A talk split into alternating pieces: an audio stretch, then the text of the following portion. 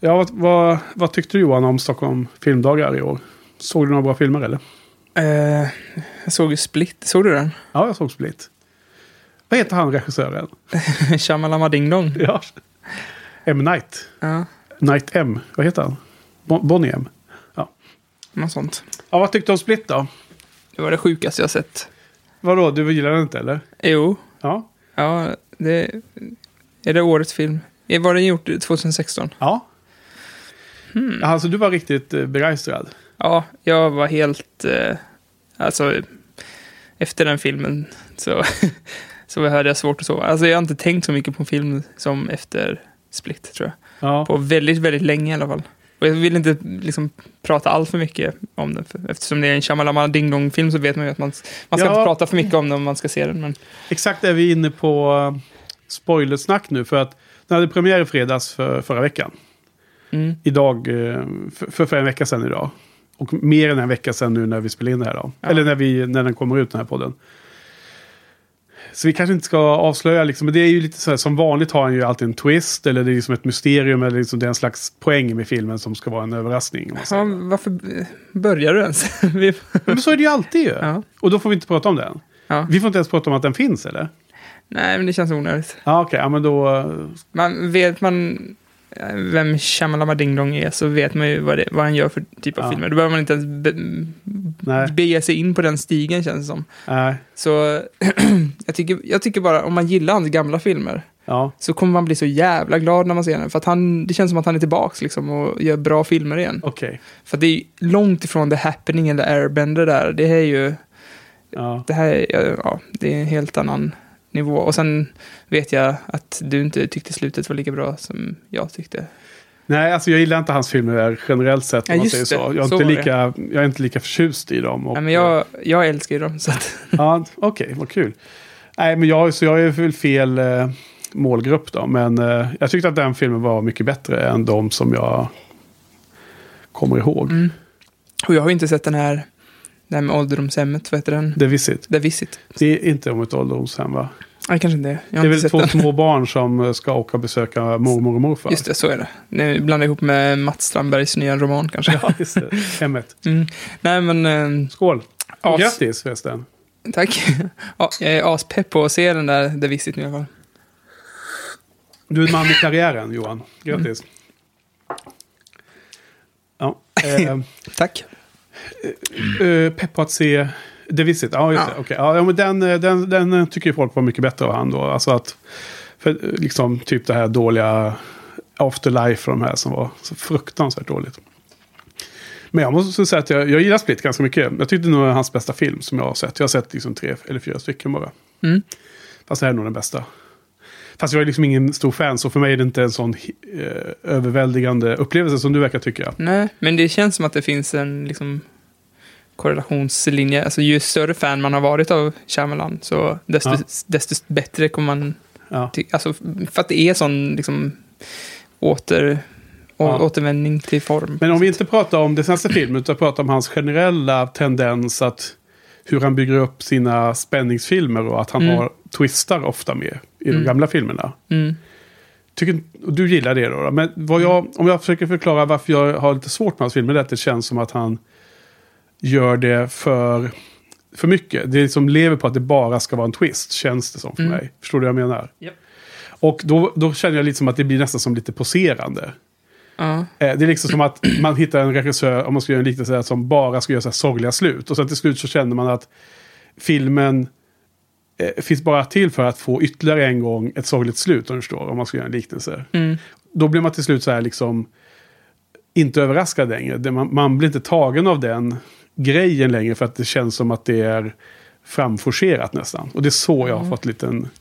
Det det- finns ju vissa filmer som är lite så, till exempel The Village, Ja. som jag såg om för ganska länge sen och kände, det var inte lika roligt den här gången. Nej. Men så, innan jag såg The,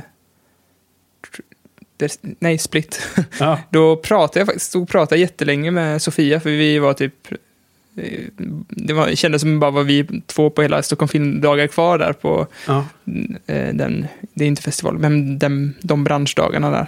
Som var, så eh, Sofia som också skriver på våra kommentarer för övrigt. Men, eh, och då, då sa hon att, att man kanske borde, att jag borde kanske se om den för att det är mycket i liksom hur han bygger upp stämningen. Mycket av filmens behållning är ju hur han bygger upp stämningen. Mm. Och eh, det är också en sak som jag älskade i Split, hur han liksom eh, använde kameran och gjorde, alltså, alltså, jag vet inte vad det är, men det är någonting också, eh, ah, för det är svårt att inte, Nej. jag vill inte prata Nej, så men, mycket om de nej, gamla exakt, filmerna. det ska vi inte göra men, men stämningen är en viktig bit i hans Ja. filmer ofta. Exakt. Om vi generaliserar. Sen i den här senaste filmen då så eh, rent tekniskt sak är ju att det är samma fotograf som gjorde It Follows tydligen. Ah, Du vet den, den, den skräckfilmen. Det kan man nästan eh, känna av på Ja. sätt. För, det är, för just kameravinklarna eh, bidrar mycket till stämningen, eller så här åkningarna, om man Ja. ska säga. Det var ju Karl som pratade om det att kameran är väldigt nära rakt framifrån på ett ansikte. Mm. På en person som då flyr eller går. Och då ser man liksom inte omgivning och man ser inte vad den personen ser och sånt. Det gör att det Mm. skapar en extra eh, spännande scen. Ja. Men det är också ett tricks eller ett eh, fusk. Ja, för jag kommer ihåg när typ eh, Play, vad heter han som gjorde den? Östlund? Ja, Ruben Östlund. När han gjorde Play så blev jag också så här jävla imponerad över stämningen han skapade med bara kameran på något sätt. Ja. Och eh, placerar kameran väldigt strategiskt för att få ut mycket effekt. Och Ja. det, det kändes som att det var samma grej Ja. i Split. Och Ja. även It Follows. ja, för jag har ju inte sett It Follows, men du har ju sett den och du, Mm. du kan hålla med om att det känns igen, eller? Ja. De här två filmerna. Ja. Det är ju, alltså, It Follows är lite mer en annan film och så vidare, kanske en, en split då, men Ja. kameraarbetet som sådant då.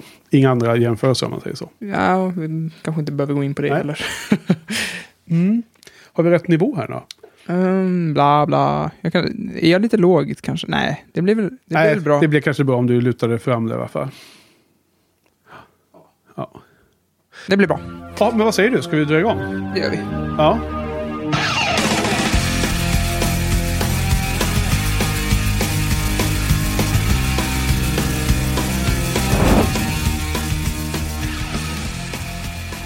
Yes. Eh, välkomna till avsnitt 41 av Buffypodden. I det här avsnittet kommer vi som vanligt prata lite spoilerfritt om eh, tre avsnitt. Conversation with Dead People, ehm, vad heter det, Sleeper och Never, Never Leave Me. Ja. de tre avsnitten. Så vi kan väl börja med lite mailbox. Ja, alldeles strax. Välkomna allihopa. Jag skulle bara säga det att ehm, som vi eh, pratade om precis innan podden här tidigare i alla fall. Att eh, Lustig... Att de här tre kom i ett eh, sjok. Ja, En, det. en poddning var ju ganska lyckosamt. Det var ju, blev så av en slump eftersom vi gick ner till tre avsnitt per gång. Så Mm. fick vi de här eh, sjuan, åttan, nian nu då under tredje poddavsnittet för säsong sju. Vilket var lite lustigt för att det känns ju nästan som att de första två känns som ett dubbelavsnitt. Och sen är det tredje också ett, ett dubbelavsnitt. Eller det, vill säga, det känns nästan som att det ska vara trippelavsnitt de här tre. Eller hur? De går liksom i ett och Ja. handlar om precis samma, vad kallar du det, en liten mini-ark nästan. Mm. Och eh, att vi på något sätt har de här tre avsnitten eh, introducera ja, en, en ny Big Bad om man säger så. Så att det är lite kul. Mm. Det får vi komma till. Ja, Men, för eh, jag sa det i förra avsnittet också att, att eh, jag, jag såg bara Just början. det, det, det sa du ja. Att du det- de första minuten där. Ja, och det kändes som att det var, nu är det en helt liksom ny, ett nytt, ny akt eller vad man ska säga. Ja. i serien. Och det, det stämde verkligen tyckte jag. För att, och det jag såg var ju de här timestampsen som kom upp. Ja. Och jag bara, nu är det någonting som händer. För det här, så här brukar det ju inte vara. Ja. Liksom. Och du frågade vem har skrivit den då. Och jag först var jag, svarade nej. Men anledningen till att jag visste om att det var Jane Espenson. Men nu var de ju två. Det var hon tillsammans med Drew Goddard som skrivit det här då. Det första avsnittet vi ska prata om sen. Con- Conversation with, with Dead People. Men att jag visste ju det förra veckan om du kommer ihåg. eh, Att, att det var Jane Espenson. Men jag, jag gjorde en snabb sökning ef- efter podden. Och då såg det ut som att Drew Goddard inte skrivit ett enda avsnitt förrän i säsong sju. Och här skriver han typ sex avsnitt. Ja. Inte själv kanske, men han är med medverkar på... Nej, precis. Jag Typ kollade också sex. upp och han har skrivit i, i Angel då som vi pratade om förra Ja. veckan. Så det var också klart. Men i alla fall, anledningen till att jag då kom ihåg att det var hon när du frågade där i slutet av förra veckans poddning. När du nämnde att du hade börjat se det lite. Mm. Det är bara för att det här avsnittet har ju vunnit så pris på Aha. bästa skrivd. Alltså, nu kommer jag inte ihåg vad de här olika tv-seriepriserna heter. Men det är känt för ett avsnitt som har fått, hon har vunnit pris för det i alla fall. Ja, för Det att var därför jag, jag kommer ihåg att det var hon. jag vill inte gå in för mycket på det här avsnittet, men jag, alltså det här, bara namnet Conversations with Dead People. Ja. Jag googlade så här för att försöka få fram fall det kom, för det känns som att jag liksom har hört det förut. Ja, ja. Att det, de har tagit det, att det är en parafras på någon film eller något avsnitt Mm. eller någon bok eller något sånt där, men jag hittar ingen info om det. Ja, det är väl känt från det här då, helt enkelt. Det kanske är så. Ja. Men vi, vi kommer ju till, till det snart, men bara som en lite kul grej att vi har ett, ett, ett paket med tre avsnitt som, som handlar om väldigt mycket samma, samma lilla grej liksom egentligen.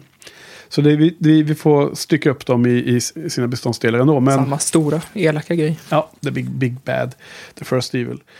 Men vi börjar med veckans inbox. Eller? Du, jag tror att du har um, förberett lite och kollat vad vi har fått för några kommentarer. Jag har ju varit inne och svarat en hel del. Ja, precis. Det har jag inte gjort. Men eh, Sofia säger att hon eh, älskar dåliga tågscener, bland annat. Och att eh, den där jackan som var i något avsnitt där var väldigt straight. Ja. Nej, hon har, eh, vi, vi misskrediterade henne lite där med hennes... Eh, hon gillade inte, vad var det?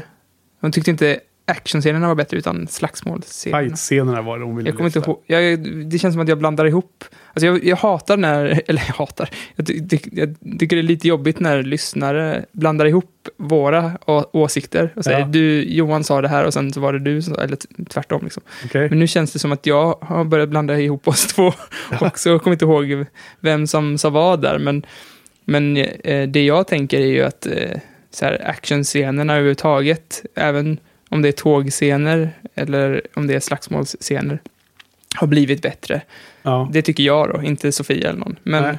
men att det här var så sjukt, eh, stick, stack ut för att det var så dåligt, den här tågscenen. Ja. ja, och jag är inte så jätte... In, jag har inte ens en åsikt för att det, jag ser det inte så tydligt.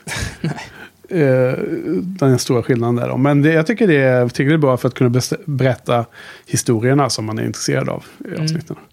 Så det är gamla vanliga. Ja, Sofia har skrivit eh, flera kommentarer, en eh, fyra kommentarer, en för varje avsnitt och en generell. Ja. Så man kan gå in och följa lite hennes åsikter där. Vad har vi mer då? Eh. Mattias, Mattias eh, jag tänkte läsa upp hela kommentaren från Mattias, om det är Ja. okej för dig. Shoot. Angående språket Anja pratar i Selfless så är det svenskt typ. Enligt kommentatorspåret på DVDn fick skådespelarna replikerna på fonetisk svenska som redan skulle dubbas, som sedan skulle dubbas. Men av någon anledning valde de att behålla skådespelarnas egna röster. Som ni konstaterade i podden har det, har det inte felfritt uttal, men jag tycker att det funkar om man ser det som någon fornnordisk dialekt. Ja ja men, eh, välkommen Mattias till eh, kommentarsfältet. Jag tror det är första gången vi har fått Ja, kommentar från så är det nog. Mattias. Så det var ju kul. Eller hur? Ja, men det är också bra extra info. Ja, och jag håller med honom om att eh, det, alltså, även om jag så här var helt distraherad och bara försökte eh, koncentrera mig på och lista ut vad de sa, så håller jag nog med om att det, alltså, det är nog hellre att det är så här jävla konstigt än att de försöker få till en bra svenska som ändå vi kommer tycka är skev. Ja. Så är det bättre att bara gå all in och fucka upp det totalt så att det låter lite, lite skumt bara.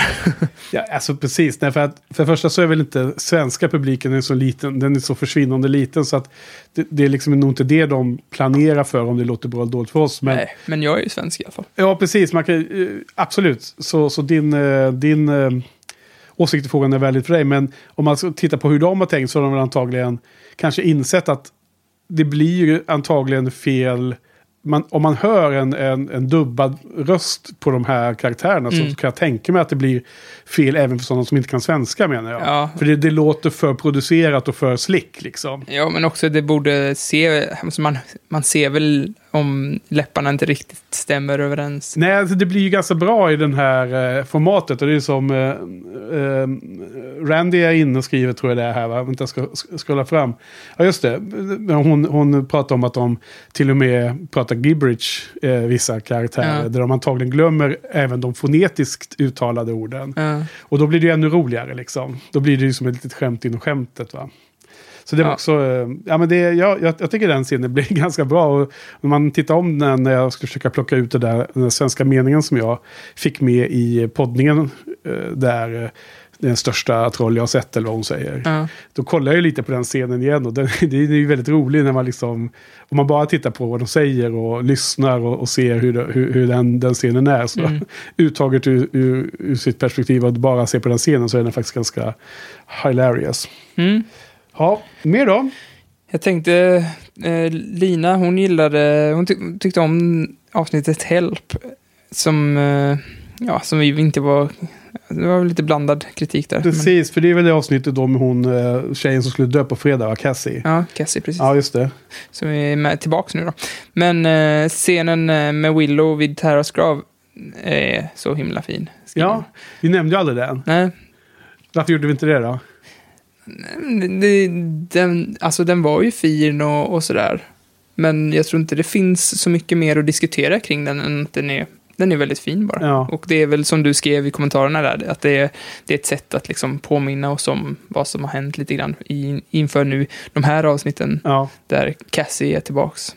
precis. Eh, scenen mellan eh, spöke Cassie och eh, Willow i Conversation with Dead People är ju, blir ju en, eh, mycket, mycket bättre eftersom man har besökt Taras grav där och fått Mm. liksom tillbaka den känslomässiga connection där. Så det, det, är- därför är den scenen väldigt bra, tycker Mm. jag. Men eh, det är ju just det här med den, den eviga grejen om hur pass mycket, i alla fall personligen då, att inte jag köpt in lika mycket på deras relation, Willow och Tara, just för att man har Ja, man har sin issue med, med Amber Bensons eh, extremt eh, konstiga skådespeleri av denna Tara. Men det har vi också tjatat om. Ja, det kan vi lämna. Så det var lite fram och tillbaka med, med Lina där. Ja men det var väl det dagens. Det var ganska mycket kommentarer som har ramlat in under veckan. Och nu, nu spelar vi in på vanliga dagen här på torsdagen. Så då är, har vi ju några dagar på oss att få in.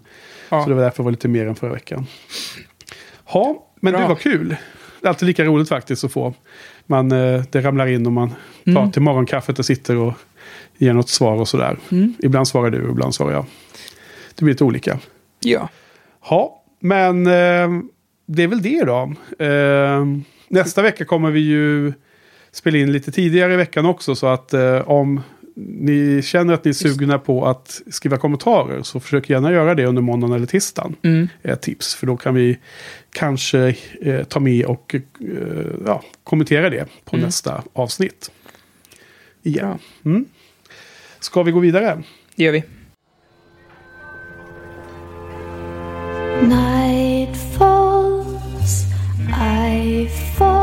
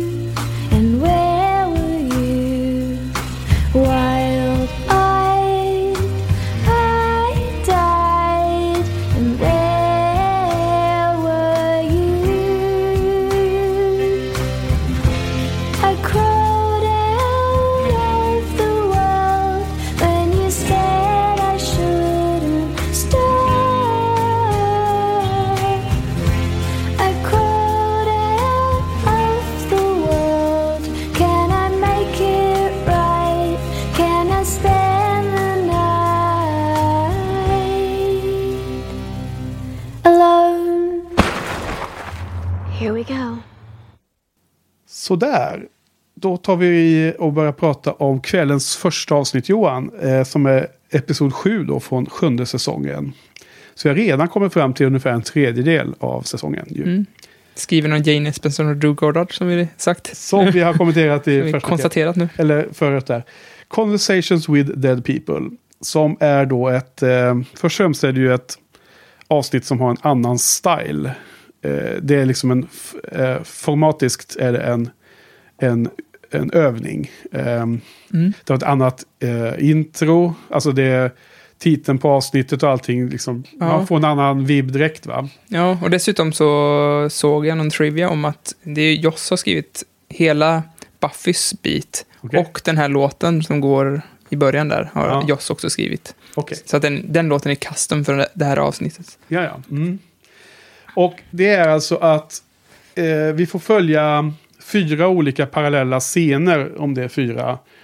Eh, där våra skobisar, Buffy, Willow och så vidare träffar olika spöken av olika format kan man säga. Någon, eh, och vampyr i Buffys fall och så. Och de har eh, samtal kan man säga.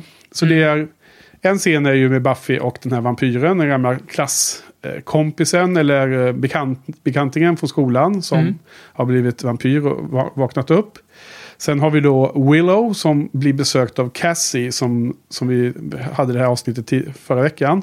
Mm. Och hon då säger sig, ja hon är ju död givetvis hon är som ett spöke, men hon säger sig eh, vara som ett medium för Tara. Så att eh, Willow har kommunikation med Tara via Cassie. Sen är det då Dawn som är hemma ensam och blir i, får en, en sån här haunted house mot sig. En, en äcklig demon som anfaller i, i huset samtidigt som Dawns mamma försöker komma fram och kommunicera med dottern. Kan man tro att Drew Goddard har skrivit hennes del? Kan man tro att de som skrev Stranger eh, Things har sett det här avsnittet? du vet, Ja, tv-serien. men det känns väldigt vad heter derivative, alltså Ja. av gamla skräckfilmer Ja, med ja. blodet på väggen och allt. Absolut. Så. Ja, vi, vi återkommer till det. Och sen har vi då, ska se, vilken är fjärde nu då? Uh, nu står still huvudet på mig här nu. Jo, den fjärde parallella är ju att Jonathan och Andrew dyker upp. Tillbaks till Sunnydale, de har varit i Mexiko. Och de eh, känner sig jagade av eh, den här stora kraften underifrån. Och Mm. de kommer dit och det visar sig att de söker upp ett, eh, någon slags offerplats där någons blod ska rinna ner för att man ska releasa en vampyr som vi får se i det nionde avsnittet. Sen händer ju det till slut. Mm. Och då är det ju då att i, i den sekvensen så är det ju då faktiskt eh, ska säga Andrew, den nyaste av de här tre töntarna som var, som var Big Bad förra säsongen. Som då har en konversation bakom ryggen på Jonathan med den döda Warren. Mm. Och Warren, eh, som då egentligen inte är Warren, utan det är ju The First Evil hela Ja. tiden. Alla de här. Och då eh, får han, eh, vad heter han, eh, Andrew att döda Jonathan där i slutet av avsnittet. Vilket är lite överraskande då. Ja, alltså bra två korta rader beskrivning. Får jag hoppa Ja. in där? Ja, ja men det är klart nu. Nej, men det blev en utveckling på alla de här För, fyra. eh, fyra, fyra Mm, Alltså när, när, jag vet inte ifall jag bara zonade ut lite, men för när Jonathan dog så, Ja. så, så skrek du ut. nej, tvärtom. Så jag, Du såg det Jag inte? tänkte inte riktigt på det. Jaha. Och sen i avsnittet efter så Mm. såg jag så här previously on Buffy. ja, ja. Så såg jag så här att, att han blev stabbad. Jag bara, ja. just det det, som vad fan, det hade jag ju så här, det har jag Nej, bara men- så här, inte riktigt tänkt på. Nej, men jag håller helt med. Alltså, jag, men jag såg ju det rationellt. Okej, Ja. nu blir han huggen i ryggen. Men det var fast inte den här känslomässiga impacten att, att det var en, en hyfsat viktig karaktär ändå. Jag menar, Jonathan har varit med mycket liksom. Nej, men det kändes som att jag såg det, tog in det och glömde bort det två sekunder Ja. efteråt. Ja, men, eh, alltså, jag är inte det minsta förvånad, för jag hade någon liknande faktiskt. Så att när man såg de här tre avsnitten så har man ju helt klart koll på att Jonathan är död nu. Eh, För det är liksom väldigt tydligt sen i tredje, nionde episoden. Ja. komma till. Men, men just när det avsnittet skedde så hade jag lite samma upplevelse. Att det gick lite obemärkt förbi. Det, så, jag menar, till att börja med, vad tyckte du om avsnittet overall? Om man säger så. Jag jag får intervjua dig. Jag, jag tyckte det var väldigt bra och jag... Alltså, från det, det kändes som att det var helt ny kvalitet på avsnittet från första början. Så, Ja, som du fångade upp redan när du bara såg en ja, minut. bara, Ja.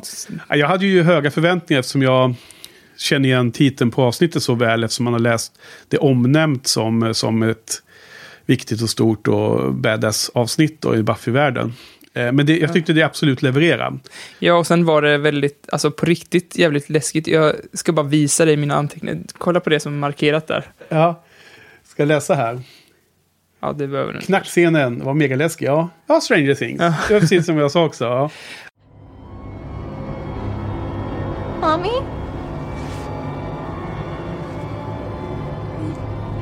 Are you alone?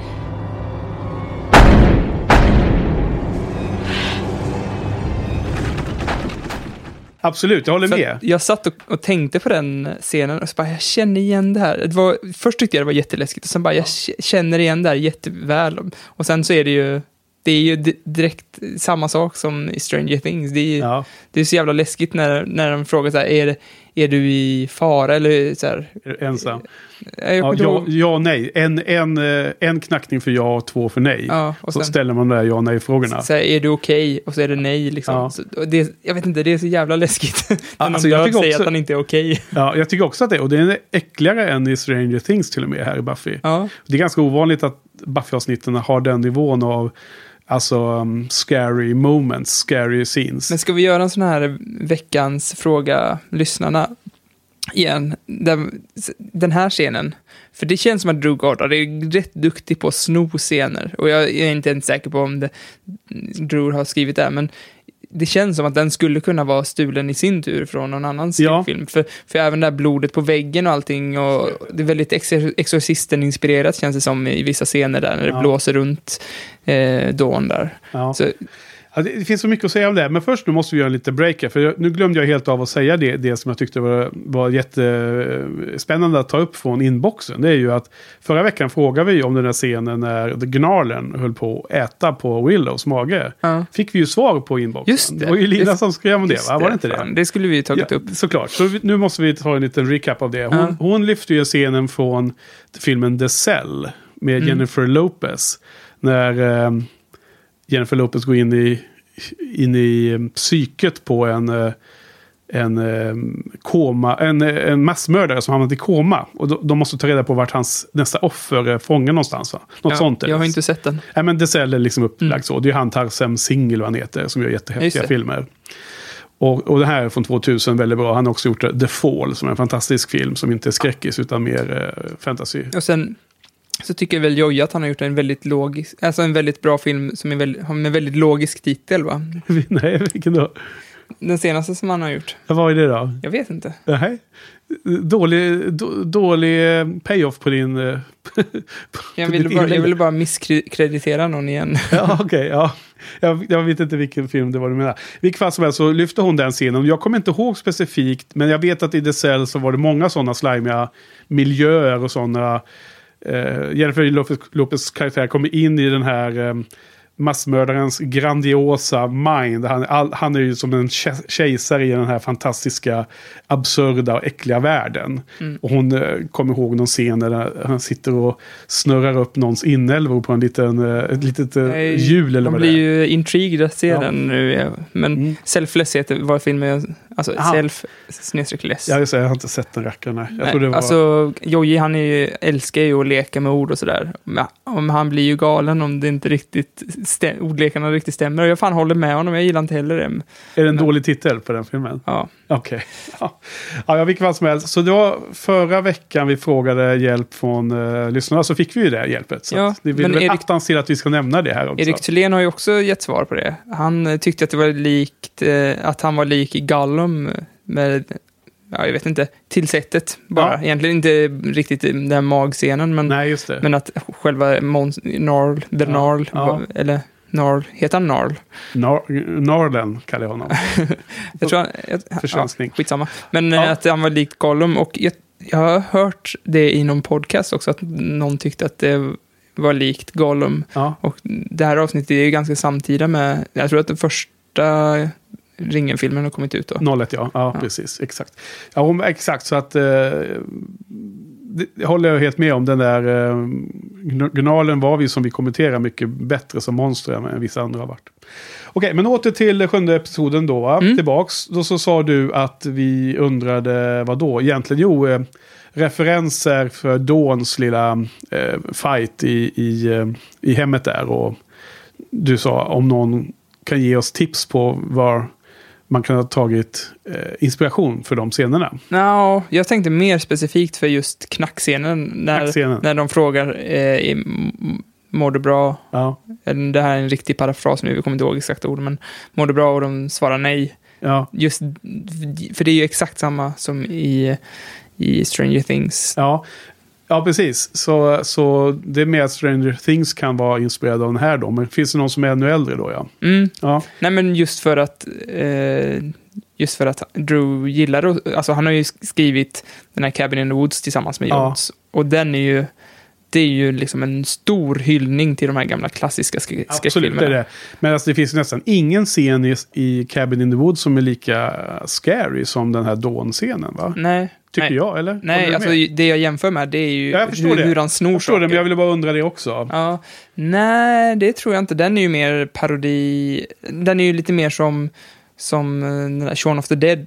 Den är inte så läskig. Ah, den är så, mer... så pass eh, mot humorn är det väl inte. Det är väl mer som Scream-filmerna. Alltså, de här läskiga scenerna i Cabin in the Woods ska väl ändå vara mer läskiga än Shaun of the Dead-scenerna? Eller? Ja, nu blir det en kanske. annan diskussion. Kanske. Men det, det kanske bara tyck- nitpicking, tyck- tycke vad, som är. Ja. vad som är likast. Men jag, tänk- jag, det var en snabb jämförelse för att Ja. visa någon poäng, men jag vet inte riktigt. Ja, exakt. Men jag ser, jag ser nästan Shaun of the Dead som en spoof. Medan eh, Cabin in Woods är mer en, en sammansmältning av alla sådana referenser i en och samma film. Skitsamma, det blev en för teknisk jag, jag tycker att det kan vara både och. Eh, ja, Det är en absolut en sammansmältning, men jag tycker också att det är en komedi som hyllar genren genom att eh, samtidigt driva med den, vilket jag tycker Shaun of the Dead också gör. Men, sen, men det du säger är också rätt, liksom. Allt är rätt. Ja, vi, vi, vi, vi droppar det. Folk får gärna skriva in vad de tycker om, om Shaun of the Dead, Cabin in Woods, eh, Scream-filmerna och allting om du vill. Ja. Gör en utredning där. Men om vi tar och börjar med den scenen med Dawn. Alltså jag måste säga att jag tyckte att den var superäcklig i stämningen och det påminde ju jättemycket om Stranger Things och kanske andra saker. Men jag tycker också att den var så härlig att se Dawns eh, jäklar anamma och hennes ja, stenhårda vilja. Men hon har ju... Hon blir ju först utjagad ur huset, ser det ut som. Men sen så var hon så här, stannar och så här, nej, jag ska vara kvar här nu. Jag ska liksom prata med henne. Och, och trots att liksom, det, en del av som gör att jag tyckte att scenen var så jäkla eh, creepy för mig. Liksom. Eh, det var ju de här gångerna som man, som man såg Joyce ligga i soffan bara, så att det bara blixtrade till. mm. Hon, är, hon är med åtminstone två gånger och det är inte ens i fokus. Första gången så får man ju, ser man, tittar man på Dawn eftersom de är tillräckligt duktiga, de som gör den här showen, att man ser på det som de vill att man tittar på. Sen ser man soffan i bakgrunden, så ligger bara Joyce där plötsligt. Och det, det är extra äckligt just för att de inte fokuserar på det med kameran. Och sen är det senare så får man se Joyce mer på nära håll när hon helt plötsligt ligger i soffan också bakom ryggen på, på Dawn. Och då har hon de äckliga vita döda ögonen också. ja, är det när monstret ligger på henne? Ja, just det. Den här står på huk över henne där, ja. Den äckliga scenen. Så att jag tyckte att då när hon kämpar så himla eh, härligt. Hon, hon, eh, hon, hon gör det. Alltså Ja. det. Älskar henne liksom för att hon verkligen är kvar där. Mm. Ja, men det gillar jag också. Och, mm, så här, he- hela den här setupen med henne, att Buffy tränade henne, var, var, gav liksom... Då ja. förstår man varför Ja. hon stannar kvar och inte bara springer till Buffy. Så, Ja, för, för det är en sak att få blod på väggarna och en vind som öppnar dörren och fönstren som exploderar och sådana saker. Men att sen helt plötsligt bli liksom eh, s, eh, skadad av ett piskrapp av något vasst. Liksom, som får ett jack i ansiktet och sen blir mer och mer blodig och på armarna och allting. Hon får skador. mm. Det är ju inte liksom att bli vägskrämd av ett spöke som, som liksom har ingen fysisk närvaro i rummet. Som man är van med. Utan det här är verkligen, hon blir ju liksom, hon får, hon får ju stryk också. Mm. Så det gör ännu mer att jag tycker att de, det, så, så den här scenen är ju väldigt, väldigt, eh, eh, det handlar bara om de här grejerna liksom. Att, att hon, hon är kvar då. Sen, sen är det klart att det är the first evil och jag väljer ju att tolka det som att allt som Joyce säger ska man ju ta med stor skepticism. Things are coming, Dawn. Listen, things are on their way. I love you and I love Buffy. But she won't be there for you. What? Why are you. When it's bad, Buffy won't choose you. She'll be against you. Alltså Ja. det är inte alls säkert att det är Joyce som verkligen varnar sin dotter här. Utan det är ju, det är ju The First Evil som försöker blåsa Dawn. Ja, jag, jag tolkar det som att eh, The First Evil har varit med, haft ett finger i allas storylines här. Och för att få in eh, tvivel och eh, missämja i gruppen såklart. Så I det här fallet så säger ju Joyce då till dottern att Buffy kommer vända sig mot Dawn. Och det förstår man att Dawn går och bär på sen. Hon, hon berättar ju inte det för någon. Vad är det hon säger? She will not choose, Choose you. you. Ja. Alltså hon kommer, ja, ni kommer liksom ja, bli mot varandra på något sätt tror jag. Mm. Så det är ju eh, verkligen en föraning inför framtiden som, som känns betungande. Det är precis samma sak som, eh, eller inte precis samma sak, men Willow ska bli övertygad, övertygad att ta livet av sig. Så hon fattar ju det. Ska vi gå över till Willow-scenen? Eh, vad, vad, vad, vad tyckte du om den då med hon eh, Cassie i biblioteket? It's not that bad. Really. It's just like going to sleep.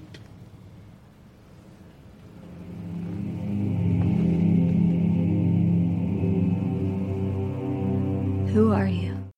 Alltså den gillar jag också väldigt mycket. För att man, meningen var ju tydligen här att Tara skulle vara med själv, men Amber Benson inte hade tid att spela in det. Jaha. Så då var det, fick hon Cassie Mm. hoppa in istället. Och jag tycker, jag gillar henne jättemycket, den, den karaktären. Så jag tyckte det var perfekt faktiskt. Ja. Och eh, ja, det, det var också så här väldigt läskigt tyckte jag när, eh, när hon sa, när hon började insinuera att hon skulle ta livet av sig. ja. Och det kändes ganska mm, badass när hon eh, kom på, eller så här, det, det kändes nice när hon kom på att eh, det bara var, att, eller bara och bara, att det var något som inte stämde där. ja. Och sen så var det, tyckte jag, även om det var ju jättefula effekter, så tyckte jag de var ganska läskiga när hon öppnade munnen där och log Ja, jättemycket. det var ganska åt upp dåligt, sig ja. själv på något sätt. Ja, just de imploderade in i sin egen mun. Ja.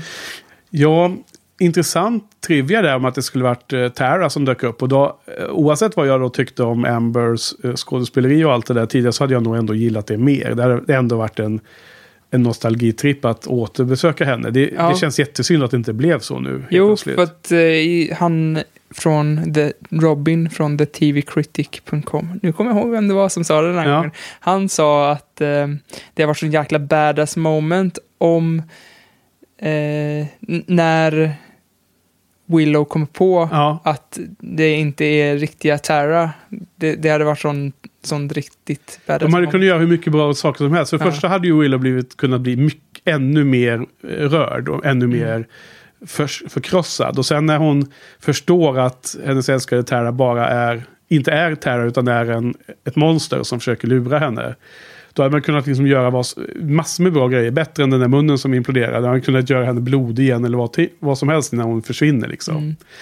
Aj, vad synd. Vilken uh, missed opportunity. Jag, jag, alltså jag tycker hon Cassie är helt okej. men det blir liksom en, en, eh, en, alltså en, en länk för mycket att hon ska vara ett medium. Det tycker jag kändes lite så här. Men, men fan vad läskigt när, när hon, Tara skulle börja insinuera att hon ska liksom ja. come and join me.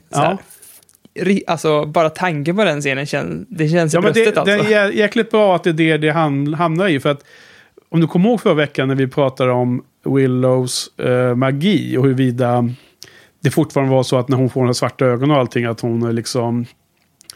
Eh, jag sa att jag jämförde det med, med, med eh, fantasyböckerna där liksom man alltid kämpar mot den där eh, kraften som magin ger. Och att man ska ha den balansen att kunna styra kraften istället för att bli uppslukad av den. Och att du, vi, vi pratar om det faktum att vad var det egentligen Willow hade lärt sig? Var det här liksom, kunde hon någonsin mer använda den här svarta kraften och inte? Det var ju det vi pratade om gången innan. Det är ju det man funderar på då när man sett scenerna med Mr. Giles och i England och The Covern och hennes hjälp och allting hon behövde.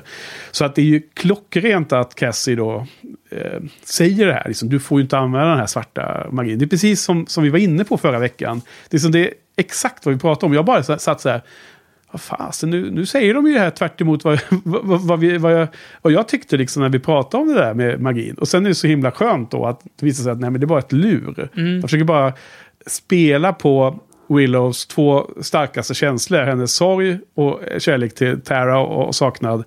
Och det andra är ju rädslan för att hon ska tappa ja. kontrollen. Jag vet inte varför jag skriver några anteckningar överhuvudtaget. Det, du, du kan bara ta över. Vadå, det är samma? Ja, alltså jag håller med till... Mm, men jag vet, jag vet inte, kanske har andra skillnader. Eh, ja, men okej, okay, ja, men då fick jag ta det då. Synd, du skulle kanske ha eh, hoppat in där och uh, så. Men vad heter det?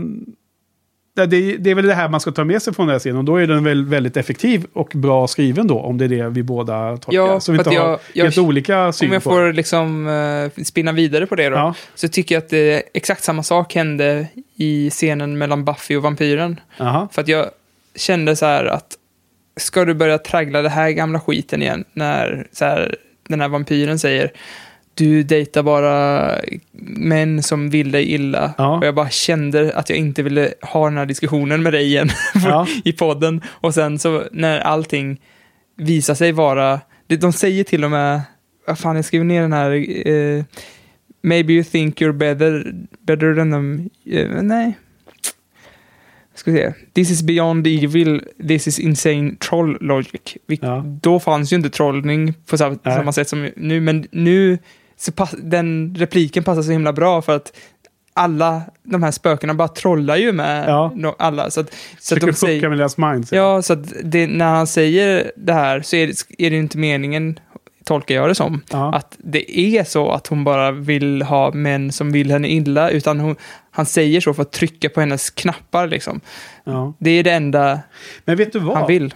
Eh, och jag håller helt med, vi ska inte diskutera exakt vad han säger till henne, men jag har faktiskt en liten alternativ känsla som jag fick i avsnittet. Det är att The First Evil har fingret med i alla fyra scenerna men inte direkt i, i Buffy-scenen. Jag ser det inte som att det är The First Evil som pratar via vampyren. Jag ser det som att i de andra tre scenerna så är det The First Evil som gör ett spöke. Ja.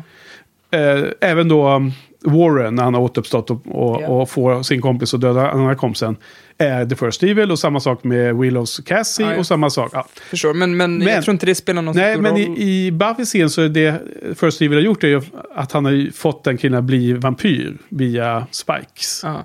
Så att, sen så tror jag att han, de egentligen har en egen konversation. Att, ja, men absolut. Jag. Men jag tror inte det, det alltså det inte påverkar mitt argument nej, nej, mot att det är en trollning. Exakt, liksom. jag, vill bara, det är fortfarande, jag bara undrade hur du hade sett det är fortfarande, det. det är fortfarande liksom en vampyr som vill leka med hennes känslor. Han verkar ju liksom studerat ja. eh, psykologi och vill liksom se hur långt han kan ta Ja, jag, jag, jag, jag, tror absolut att The First Evil kan ha coachat den här vampyren att liksom göra det här. Men jag tror att jag tror att alla andra fick, kunde, kunde, om de bara var tillräckligt smarta eller tillräckligt insiktsfulla, avslöja sin motståndare i scenen. Medan Buffy hade inte ja, det, den det möjligheten. Det kändes också så oklart vad... För, eller ja, kanske nu när jag tänker på det. För Spike, han blev ju, som Sanders säger, hjärntvättad Ja. Så när han... Bör... Alltså blir en sån här sleeper agent, så ja. triggad och grejer. Ja. Så, så, när han börjar sjunga för sig själv så triggar han ju sig själv där på något sätt. att gå bananas och bli ja, vampyr. Var det så det var? Han triggar sig själv också? Nej, men den där fantasi-Spike ja. börjar ju sjunga till Spike. Mm. Och då gick han loss.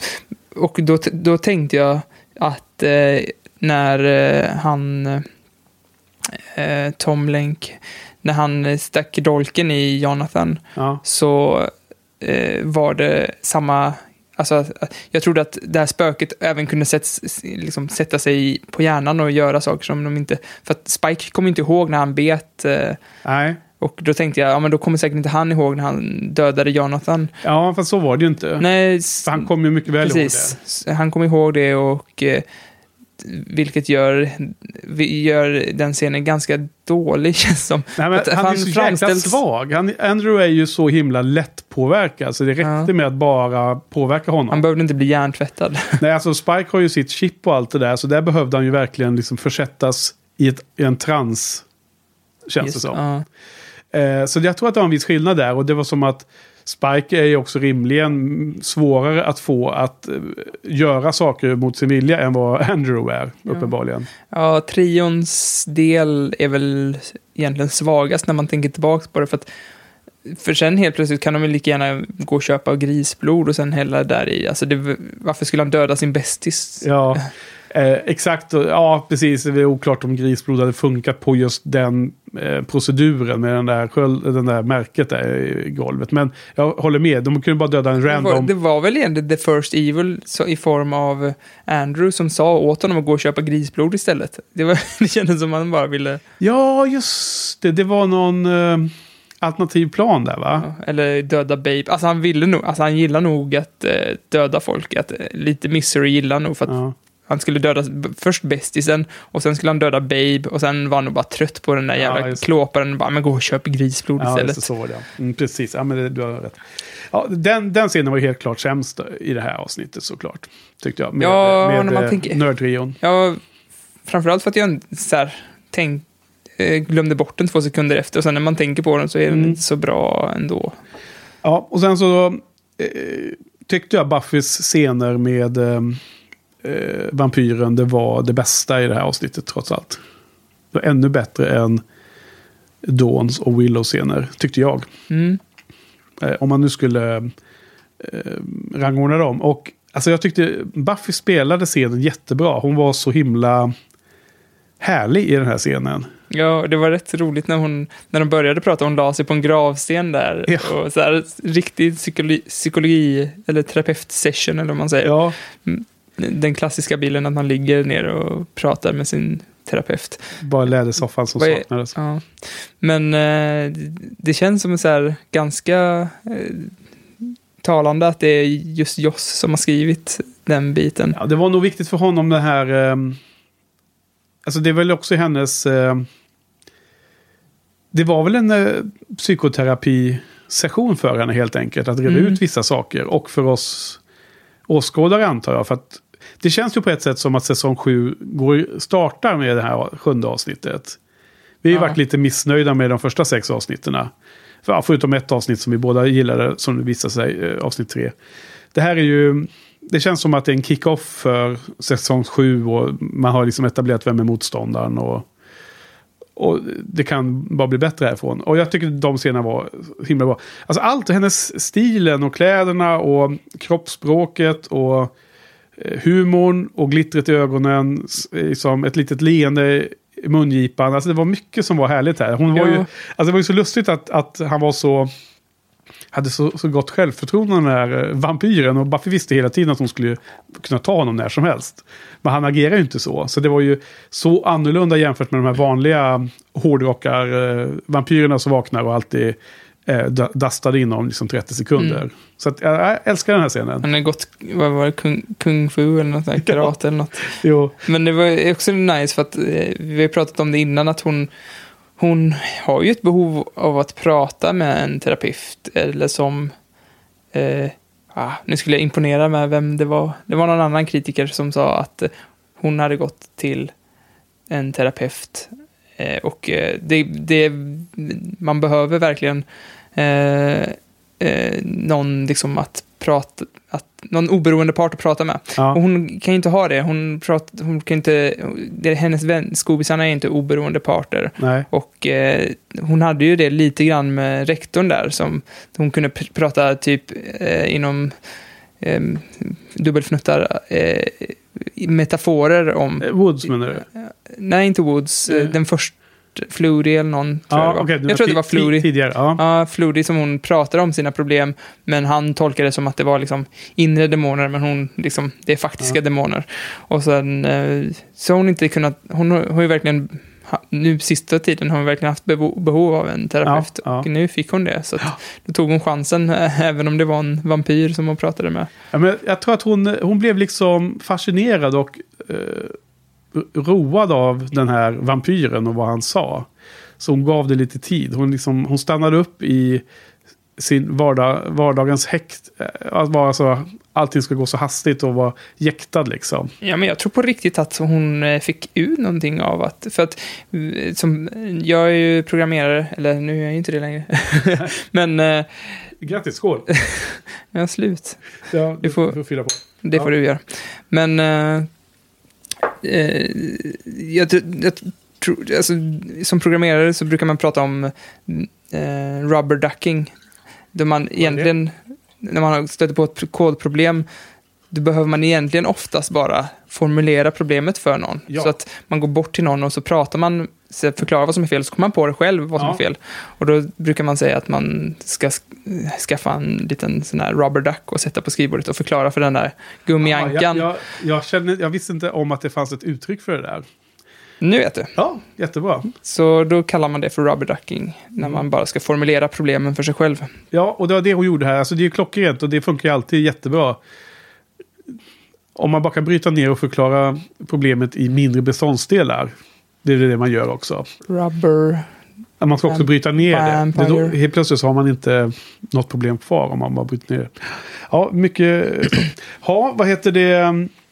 Eh, sen finns det ju en ganska lång trivia här som man kan ta. Jag tycker lite aktuellt här nu då. Vad tyckte du om han som spelar den där eh, eh, vampyren i Buffys scen? Vad tyckte du om han skådespelaren?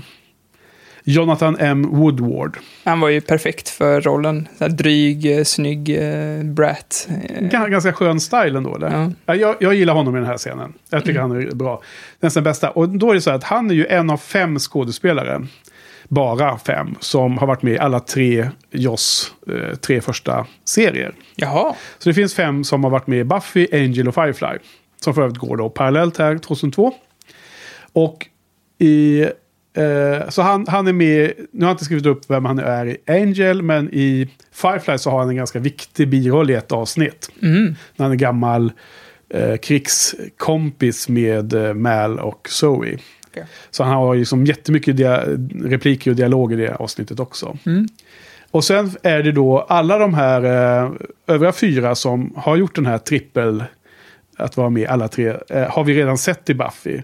Så bland annat är det då Jeff Ricketts som spelar den här Weatherby, en av de här tre, eh, du vet, The Coun- Watchers Councils Wetworks team. De där brittiska lönnmördarna som kommer och jagar Faith och Buffy där i Ja. vilken säsong det nu är. Så han är en av dem. Ja. Och i Firefly spelar han en av de här eh, med Hands of Blue. En av de här två som jagar Okej. River. Sen har vi då Andy Umberger som spelar The Hoffrin i Buffy. Han spelar någon eh, kapten för ett stort rymd... Eh, alltså skepp Ja. i Firefly. Och sen Bob Fimiani som är... Har en jätteliten roll i säsong fyra så är han någon militär som eh, Rileys polare rapporterar till. I ett avsnitt som heter The Yoko Factor i slutet på säsong fyra. Och eh, han är med i, eh, i Our Mrs Reynolds avsnittet då som spelar Elder Gammon i, i Firefly. Eh, och sen till slut har vi eh, vid sidan av Jonathan M. Woodward som är här då, som är den här vampyren. Den, den, den femte som också är ungefär lika berömd, liksom stor skådespelare, det är han Carlos Jackott. Eller Jackott, vad han nu uttalas. Och han spelar Ken i första avsnittet i säsong tre, när Buffy är, eh, det här avsnittet Ann, när hon har lämnat Sunnydale. Och jag, är vi det pojkvännen? Nej, Nej. han spelar den där eh, frireligiösa som han verkar som, som rekryterar Aha. eh, bortkomna ungdomar som skickas ner i helvetet Ja. och blir slavar. Och han är också eh, Dobson i Firefly, som en annan viktig biroll. Pratade vi om det i Anne-avsnittet? Ja, jag för mig att jag nämnde att Ja, han... För det ringer en liten igen. klocka. Ja, precis, för att det är så lustigt varför jag som såg Firefly före Buffy träffar ju de här karaktärerna först i Firefly och sen i, i Buffy. Men egentligen så hade man sett serierna i den ordningen de gick på tv så hade man ju alltid sett karaktärerna i den andra serien först. Mm. Alltså för det, känner man igen en skådespelare som återkommer så kan man ju lättare misstänka att den här kommer ha någon viktig funktion i det här avsnittet. Liksom det blir en känd birollsskådespelare liksom. Mm. Så så var det med de där fem i alla fall. Och eh, jag kommer inte ihåg alla dessa, vad de har gjort i Angel, men någonting är det i alla fall. Då. Det är ju lite kul att väldigt många av Firefly-skådespelarna efter nedläggningen av Firefly där vintern 2002-2003 får, får roller sen i, i säsong 7 eller Angel. Mhm. Så Joss ger dem, nästan allihopa tror jag, får någon roll. Mm. Och eh, i det som finns kvar då, då som en lite plåster på såren. Ja. Ja, Eh, väldigt relaterad till, alltså jag eh, läste recensionen på Critically eh, Touched. Där har de gått igenom hela, hela alla, jag brukar läsa de recensionerna där. Det, men ska vi länka in till den Ja, sätten? det kan vi göra. För att jag tycker att deras recensioner, jag kommer inte ihåg om det är samma person som recenserar alla avsnitt i Buffy, men Mm. Väldigt varierad och ibland kan jag bli eh, riktigt störd på han som recenserar faktiskt. Men till och med kommentarerna jag älskar det, men det är väl så kanske. Men i alla fall, där har han gjort en nedbrytning av den här låten som eh, spelas, som Joss har skrivit. Ja, Och jag tycker ändå, även om jag inte håller med, så tycker jag det är väldigt intressant att läsa om hur han tolkar. För han har verkligen gått in så här och försökt tolka För varenda jag, stycke jag, där. Jag la nog inte märke till texten så mycket, men det, är det en viktig Jag, tänk, text där? jag eller? tänkte inte på det överhuvudtaget. Nej. Och det är därför jag tyckte det var så intressant att läsa Okej, hans nedbrytning. Ja. Och jag tänker inte gå, gå in liksom och läsa. Men jag, jag kan visa det här. Här har han liksom delat upp styckena i, Ja. text, i texten och sen liksom gjort klamrar. Så här, första, eller andra stycket handlar om Angel och sen förklarar han varför. Och sen tredje stycket handlar om Riley och så för- förklarar han varför. Så, Men det där, den där sidan måste vi absolut eh, länka till, så kan Ja. folk gå in och titta på den där och det finns ju ingen tvekan om att eh, Joss, liksom, det finns betydelse bakom orden. Det, absolut, det vet det, vi ju. han använder sina... Sen kan vi bråka om vad den betydelsen är, men det, som ett liksom startskott och liksom grotta ner sig i det här avsnittet så tycker jag det var jätteintressant att läsa faktiskt. Ja, bråka och bråka, men det är ju, så ofta så kan man ju tolka scener på ett visst sätt, men om man bara pratar om det och gör lite rubber ducking, Mm. pratar om och bryter ner scener så kommer man ju ofta fram till vad det betyder. Ja, men grejen är att jag kommer aldrig prata med dem på critically touched, så att jag kommer Nej, bara, nej. jag kommer bara vara jättestor sjö emellan och så här aldrig Ja. ens, det var säkert jättelänge sedan han skrev de här recensionerna också, så jag tänker inte ge mig in i och Nej. försöka battla med honom. Nej, Jag alltså- får bara ta det som det är och sen ta det som jag gillar och sen bara Absolut. låta det Jag har andra vara. nog faktiskt inte läst dem någon gång, så att, eh, du har inte nämnt dem tidigare. Så det är jättespännande att gå in och titta och se vad det, vad det så står. Men det är för att jag egentligen inte gillar hans recensioner. Okej. Men, Det är alltid kul att se vad det finns där ute. ja. På tal om eh, diskutera vad olika scener betyder så käkade jag lunch med eh, Jojje Johan idag. Och eh, vi satt och pratade ganska länge om eh, sista avsnittet på säsong 5. Och Mm. The Gift och när Buffy offrar sig för mänskligheten och, och så vidare. Det här var lite kul. Mm. Då kunde du återbesöka eh, sista avsnittet femman där, eh, lite så i, i, i huvudet på lunchen. ja, Jojje var ju lite mm, på min sida där med slutorden och så. Ja, det visade sig att han hade nog misstolkat lite vad du menade. Nu lämnar vi det här. Ja, det, men jag tror att det fanns tre olika eh, versioner av hur man tolkar vad man tyckte var bra och dåligt i den där sista Ja. scenen. Absolut. Men du, ehm, ja, hade du något mer där i din eh, lista? Eh, Din digra lista ser jag där över på skärmen.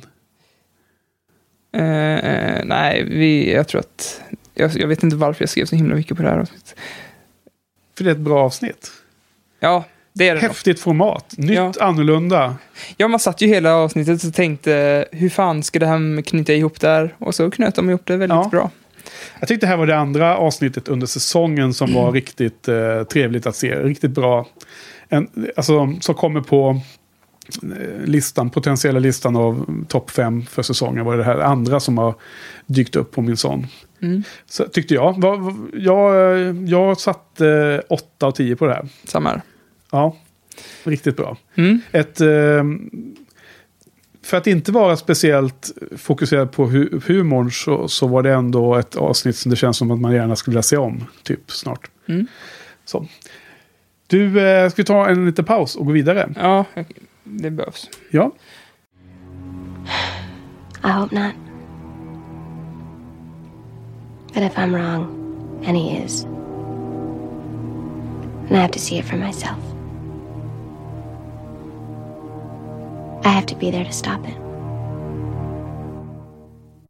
Det åttonde avsnittet på säsongen heter Sleeper. Vakna nu. Jag trodde du kom på något. Nej. Jag kom på en uh, uh, ordvits. Ja. Det kommer Jojje bli glad. Ja.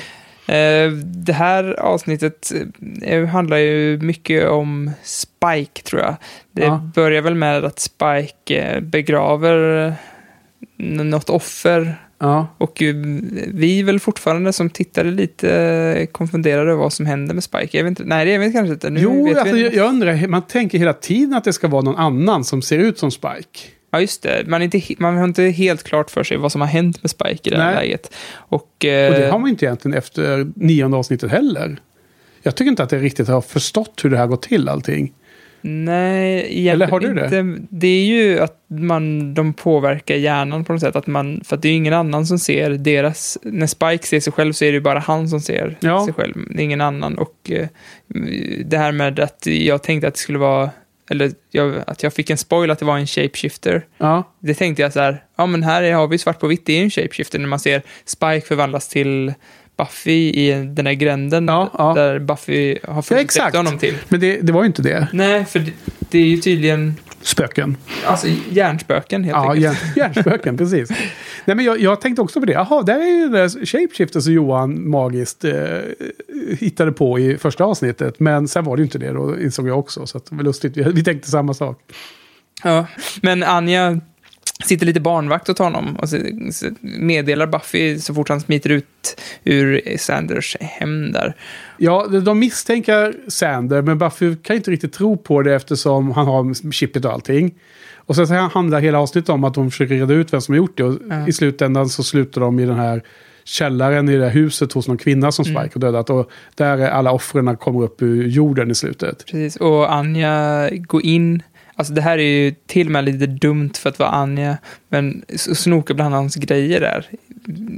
Helt på eget bevåg går hon in och gör det. Och till och med när Spike lägger sig så att han har ansiktet och ögonen riktas, alltså hans stängda ögon riktade mot henne Ja. och li- ligger typ en decimeter ifrån henne. Ja, ja. Så fortsätter hon rota. Det här är ju fan... Du störde dig på den scenen? Ja. ja. Hon är ju Odd from Sweden, som det står på Buffy-Wikipedia. Ja. Ja, det här är känslan av en dubbelavsnitt. För det börjar ju verkligen exakt i samma scen som förra avsnittet slutar. Så tar det här vid. Sen visar det sig att nästa avsnitt eh, också fortsätter exakt. Så det är egentligen ett trippelavsnitt. Ehm, men det, jag tycker att det här är lite halvsegt. Tycker jag. Det här avsnittet. Ja. Vad tyckte du? Nu när vi pratar om det så har jag lite svårt att minnas det. Ja, jag håller med. De glider ihop varandra. Men har du skrivit någon... någon Ja, jag, skriver, jag kan börja Skriv med min tyckte. första, eller min andra kan vi ta. Nej, min tredje tar vi. Mm, jag har skrivit upp, du får gärna tolka det här för jag kommer inte ihåg vad Ja. jag vill med det här. Förlåt. Men, From beneath you it devours har jag skrivit. ja, Och så har jag skrivit som underkommentar till det, My friends are beneath me. Så det är någon tanke jag har haft här med att Buffy tycker att hennes vänner är beneath her. Och att, Ja, men- att hennes men- vän, alltså hela den här inre intrigen om att, att from beneath you it devours inte menar från under marken utan att det kommer underifrån henne Mm. i form av hennes män, mä- vänner, Mm. hennes scoobies. Att det är de som devours henne. Mm. För att hon tycker att I'm above them och så här grejer. Ja, hon har... Är det att hon går och ojar sig lite över att hon, att hon själv har kommit dit här, eller? Eller vad var det? Dit, dit han. Är det Buffy som oroar sig över sina egna känslor, eller? Ja, precis. Att, Ja. att eh, hon tycker att hon är mycket bättre än sina vänner. Ja, jag kommer inte ihåg exakt citatet. Jag får väl försöka leta fram det och klippa in det så vi kanske kan lyssna på det i den färdiga podden. Vil- vilket citat tänker du på? Det som du läste From upp nu. beneath you it devours. Är det inte något som Buffy säger, eller? Det är väl något som många säger. Ja, Eh. men den scenen som du nu hänvisar till, är det inte det Buffy som säger detta? Jag tror att det är mer så här en känsla jag fått när jag Ah, okej, det. Men jag men jag kommer inte ihåg ifall det finns någon scen där de säger att eh, mina, I'm above my friends eller Alltså jag... they are beneath me eller något sånt där. Okej, jag förstår. Så då undrar du om jag fångade samma vibb. Inte direkt faktiskt. Eh, däremot så tyckte jag då, om jag säger det jag lyfte upp mest härifrån, det är att väldigt mycket snack om Spikes själ igen. Mm. Det är det här med som att han blir som en lipsill och nu har jag fått en själ och, och nu så är det så jobbigt att leva med mig själv för att jag har gjort alla de här morden och sådär. Mm. Och alltså, fine, jag, jag håller ju helt med om att det är jättefel att göra mord och så. Det är inte det jag pratar om. Men det är liksom som att showen försöker sälja in till oss att så fort man har fått en själ så blir allting från svart till vitt. Det finns inget däremellan. Det är precis som att, att man skulle bli god bara för man fick en själ. Och det är ju falskt. Det finns ju massor med onda människor som har en själ. Ja. Det finns ju en president i USA nu som, som i och för sig verkar själlös, men som antagligen har en själ rent, rent eh, biologiskt, eller vad man nu ska kalla det. Och som inte kanske är världens godaste ja. Så att jag tycker att det blir nästan lite tjatigt här nu när de ska spela hela tiden fram och tillbaka. Åh, din själ och hur kan du ha gjort eh, ett mord till och sådana här saker. Liksom det, de spelar för mycket på den här ädla... Eh, Spike har fått en själ och nu är han supergod. Alltså hela den här Buffy motiverar att varför Spike måste räddas. Hon, det, det är jätteviktigt för henne att hon ska liksom rädda Spike. Jag tror att det är ännu mer tydligt i nästa avsnitt nu när de har fått i nästa avsnitt när de vet om att Spike under någon form av påverkan utifrån, från någon ondska, har gjort de här morden. Då vill ju vissa i skobisarna säga, ja men då är, ju- då är ju Spike eh, körd, då får vi ju offra honom nu då. Men Buffy vill ju hela tiden rädda honom ju. Ja. Och hon motiverar det med att han har ju fått sin själ. Precis som att det skulle förändra hans, för att vara en, en ond person till en god person. Men det är ju inte sant. Det är inte själen. Nej, men jag håller ju med henne. någonting mer än att bara få Jag håller med henne lite bara, bara för att de vet, alltså de har ju inte lärt känna Spike med en själ. De vet ju inte fall, fall han är ond eller god. Man kan ju inte bara döda någon bara för att vara för, på säkra sidan. Jo, nej förvisso, men, men samtidigt så är I am the law, det är hon som måste ju ta de här svåra besluten. Hon, måste ju, hon, hon går ju inte och intervjuar varenda vampyr som vaknar upp och kommer upp i graven. Hon bara döstar dem ju med en gång. Hon inte men, känna de här. men hon vet ju att de inte har någon själ. Ja, ja, förvisso. Ja, det var ett dåligt exempel, men, men du förstår vad jag menar. Liksom det, ja, jag, jag tycker att showen är lite för grund här. Det är lite för svart och vitt. Åh, nej, jag vet inte varför jag sitter och försvarar Spike, men det är väl att jag stör mig på andra saker. Det är så anhörd av att du sitter och försvarar Spike. nej, men jag, ja, alltså jag, jag tyckte det var eh, ologiskt att de, tvärtom, liksom att de, skobisarna sk- fatt, de fattar väl att han har en själ nu, de måste så här, och alla har blivit så här påverkade av det här conversation with dead people. De, de, alla har ju fått, det är ju någon som fuckar med dem. Ja, Och, och de vet ju det. Alltså exakt. Det, det, man, det man får hänga upp det på det är att Buffy vill ha kvar Spike för att reda ut vad, vad det är för någon ondska som har fuckat med dem. Ja, men jag, och jag stör mig på att Scoobisarna vet ju att det är... Varför håller de på att tryck, trycka på att de ska ta livet av Spike för? Ja, Det de- fanns ett, en period i den här serien där Spike bara var ond, var en själlös vampyr. Ja. Och de, de bara lät honom gå. Men Ja. nu när de har lärt känna honom och de vet att han har en själ, ja men då ska han dödas. Ja. Det, jag bara, det är helt men det, ologiskt. det, det är ju... ehm, det här är kul att diskutera för det är liksom en skavank i, i ehm, bygget av världen. Och det kan man å ena sidan tycka att... Därför vad jag menar är att skavanken är ju att Anja, som de nu Buffy bestämde sig för att döda innan Willow, räddade upp situationen genom att göra en deal med, med The Hoffrin. Va? Ja. hon har ju också en själ. Men hon har också dödat många. Då var det liksom självklart att man måste mm, åtgärda problemet, döda Anja. Här har vi Spike som också har en själ och har dödat många. Och här är det lika självklart att det är tvärtom. Så att det finns ju någonstans i det här bygget av den här världen så finns det inkonsistenser. Och det är därför det är kul att diskutera det. Vissa kanske tycker att man bara ska skita i den här och se det som en, liksom, en liten glitch. Men ska man nörda ner sig ordentligt i, i eh, the fabrics här av, av det här bygget liksom, så finns det ju något här att fundera på. Varför är Buffy, eh, prefererar hon att särbehandla Spike på det här sättet? Ja, det är helt enkelt det man måste förstå, Ja. komma fram till. Nej, men jag vet inte för jag tycker att hon särbehandlar Spike. Nej. För att Trots att hon kom fram till motsats beslut när det gäller Anjas öde. det var ju konstigt, men hon var ju demon där. Ja, men och med en själv, va? Har vi inte kommit fram till det?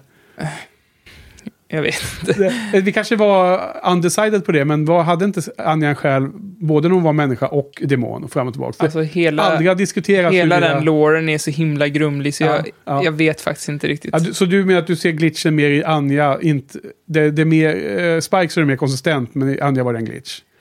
Ja, det är Ja. väl en större glitch i Anna och en lite mindre glitch i Ja, Spike. man Vet så.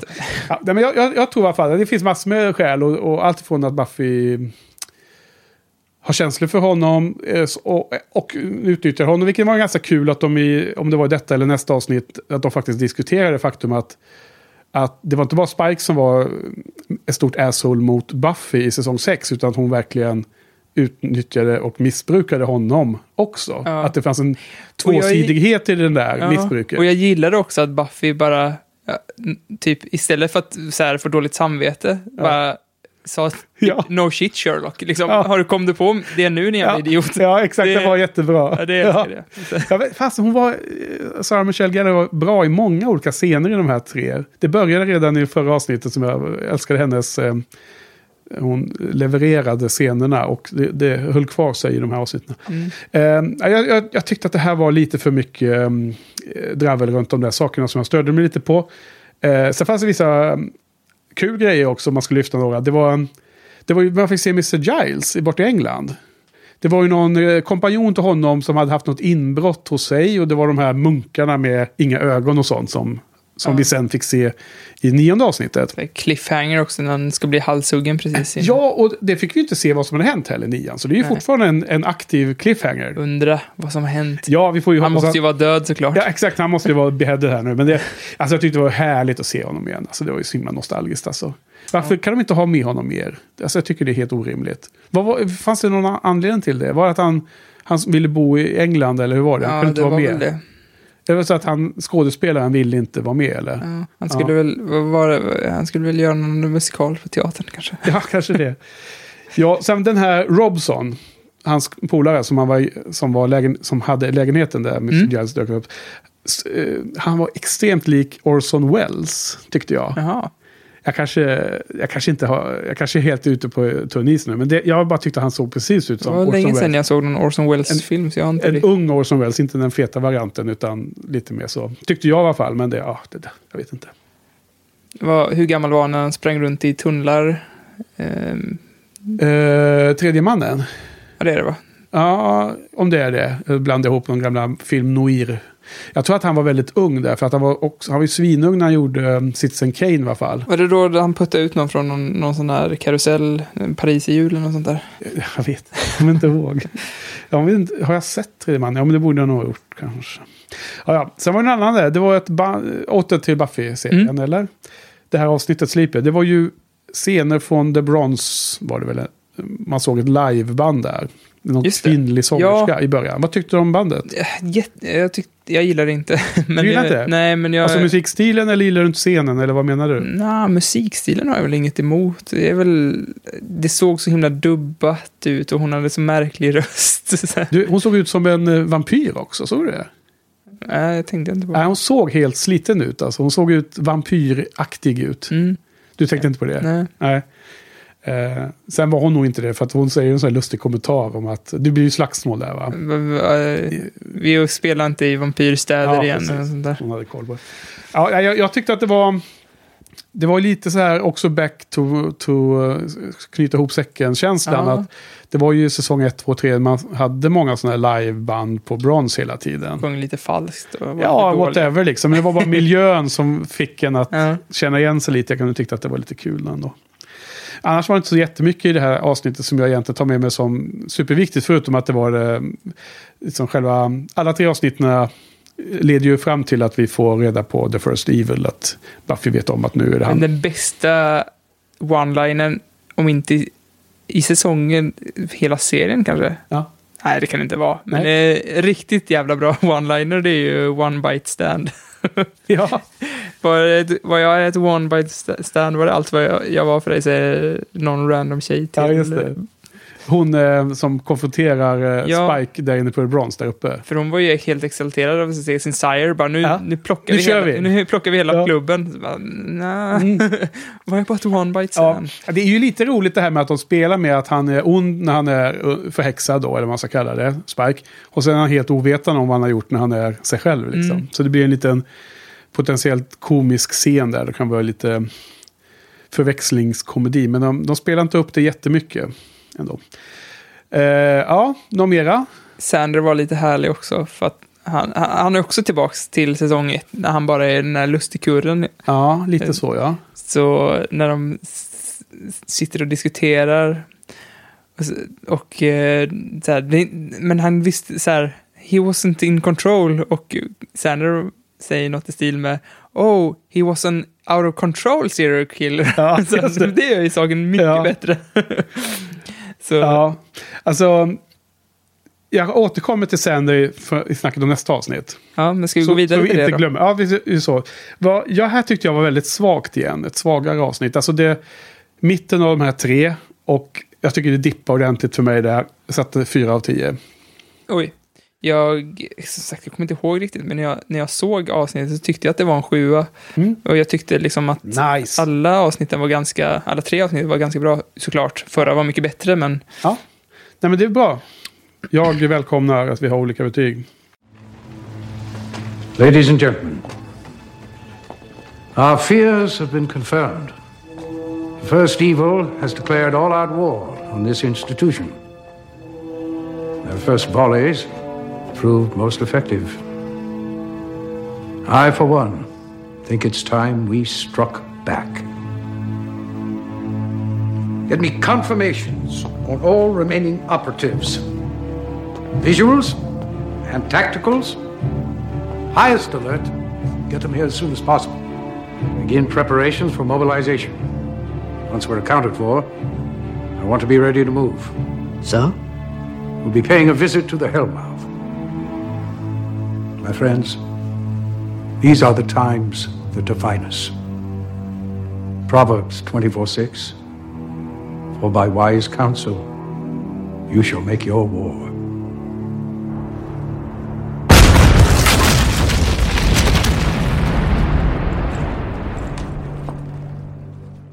Okej, men då tittar vi vidare då. Nionde avsnittet.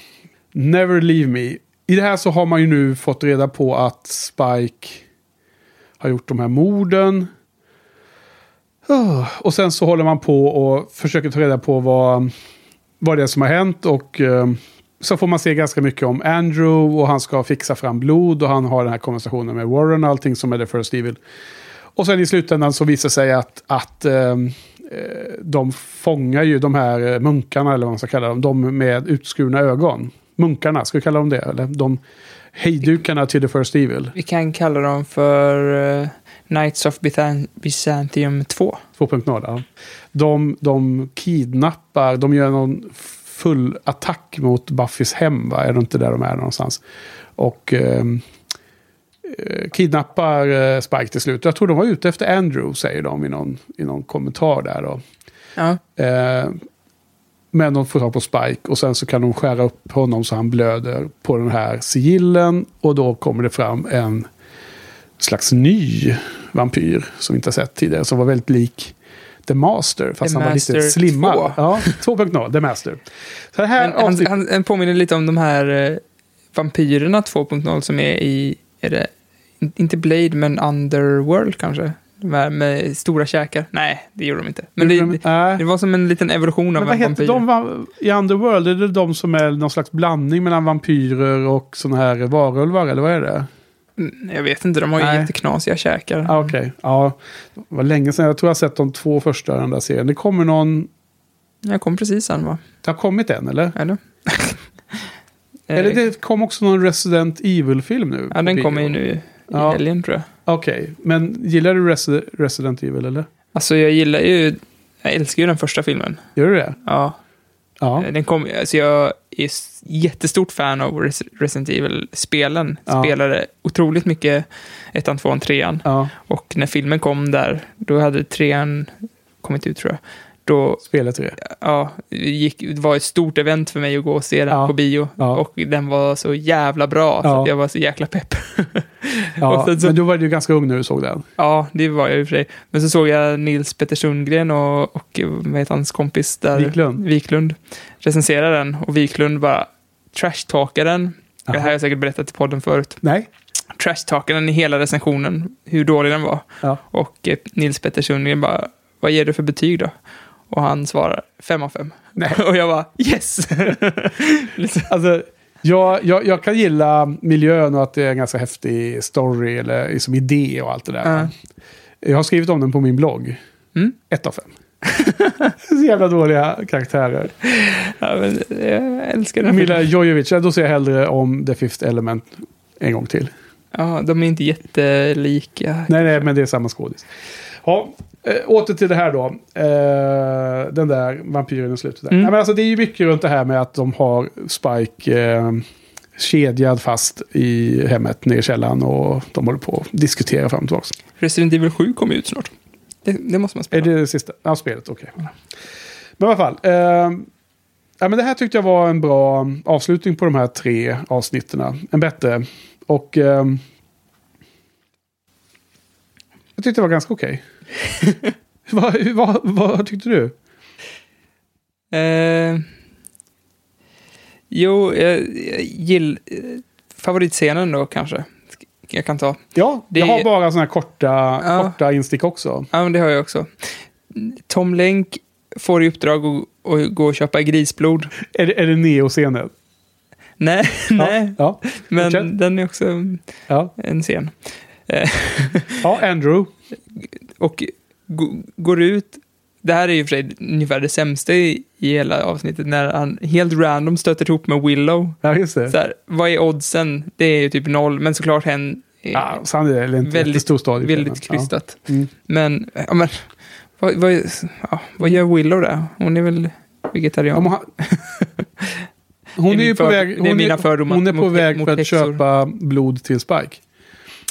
Jaha, okej. Buffy har ju skickat henne på uppdrag där. Mm. Okej, då tar jag tillbaka. Då var det inte den sämsta scenen. Nej. Jag bara kände att... Men var det inte bästa scenen du skulle säga nu? Ja, det är ju när hon trycker upp Tom Lenk mot väggen där. Ja. Och sen Deras dialog. fake, fejkar att hon fortfarande är almighty Ja. witch. Och, och det här, här är ju... Det här är så jävla Willow. Det, det är det som gör henne så jäkla härlig. Liksom, de Ja. spelar tuff. Alltså, det Absolut. riktigt bottnar i det. Absolut, den, den, den, den scenen är jättehärlig. Jag gillar den också. Även om jag nu fortfarande med en dåres envishet hävdar att hon har alla de där krafterna kvar. Hon skulle ju bara kunna fleja honom om hon ville. Ja, absolut. På plats. Så att hon, det är ju inte tomt hot, men hon spelar ju ond på ett sätt som är roligt här. Ja, men hon, hon, hon är, inte, hon är inte besatt Nej, på samma sätt. nej, nej. Och, och det är inte som att hon så här försöker verka eh, gullig på något sätt. Hon försöker ju vara tuff. Ja. Liksom. Hon, Fast det försöker, funkar sådär. hon är så dålig på att vara Ja, tuff. ja, just liksom. det. Fast han är så himla rädd så han ser inte exakt det. Jag, jag så tyckte det är lite roligare redan innan Willow dyker upp i den scenen så är det ju när han, Andrew, kommer in där. För han har ju sin eh, grymma läderjacka, kappa. Ja. Som han då gillar så mycket. Så när han står där och har beställt alla de där grejerna, då säger den där clerken där bakom, kallar honom Neo.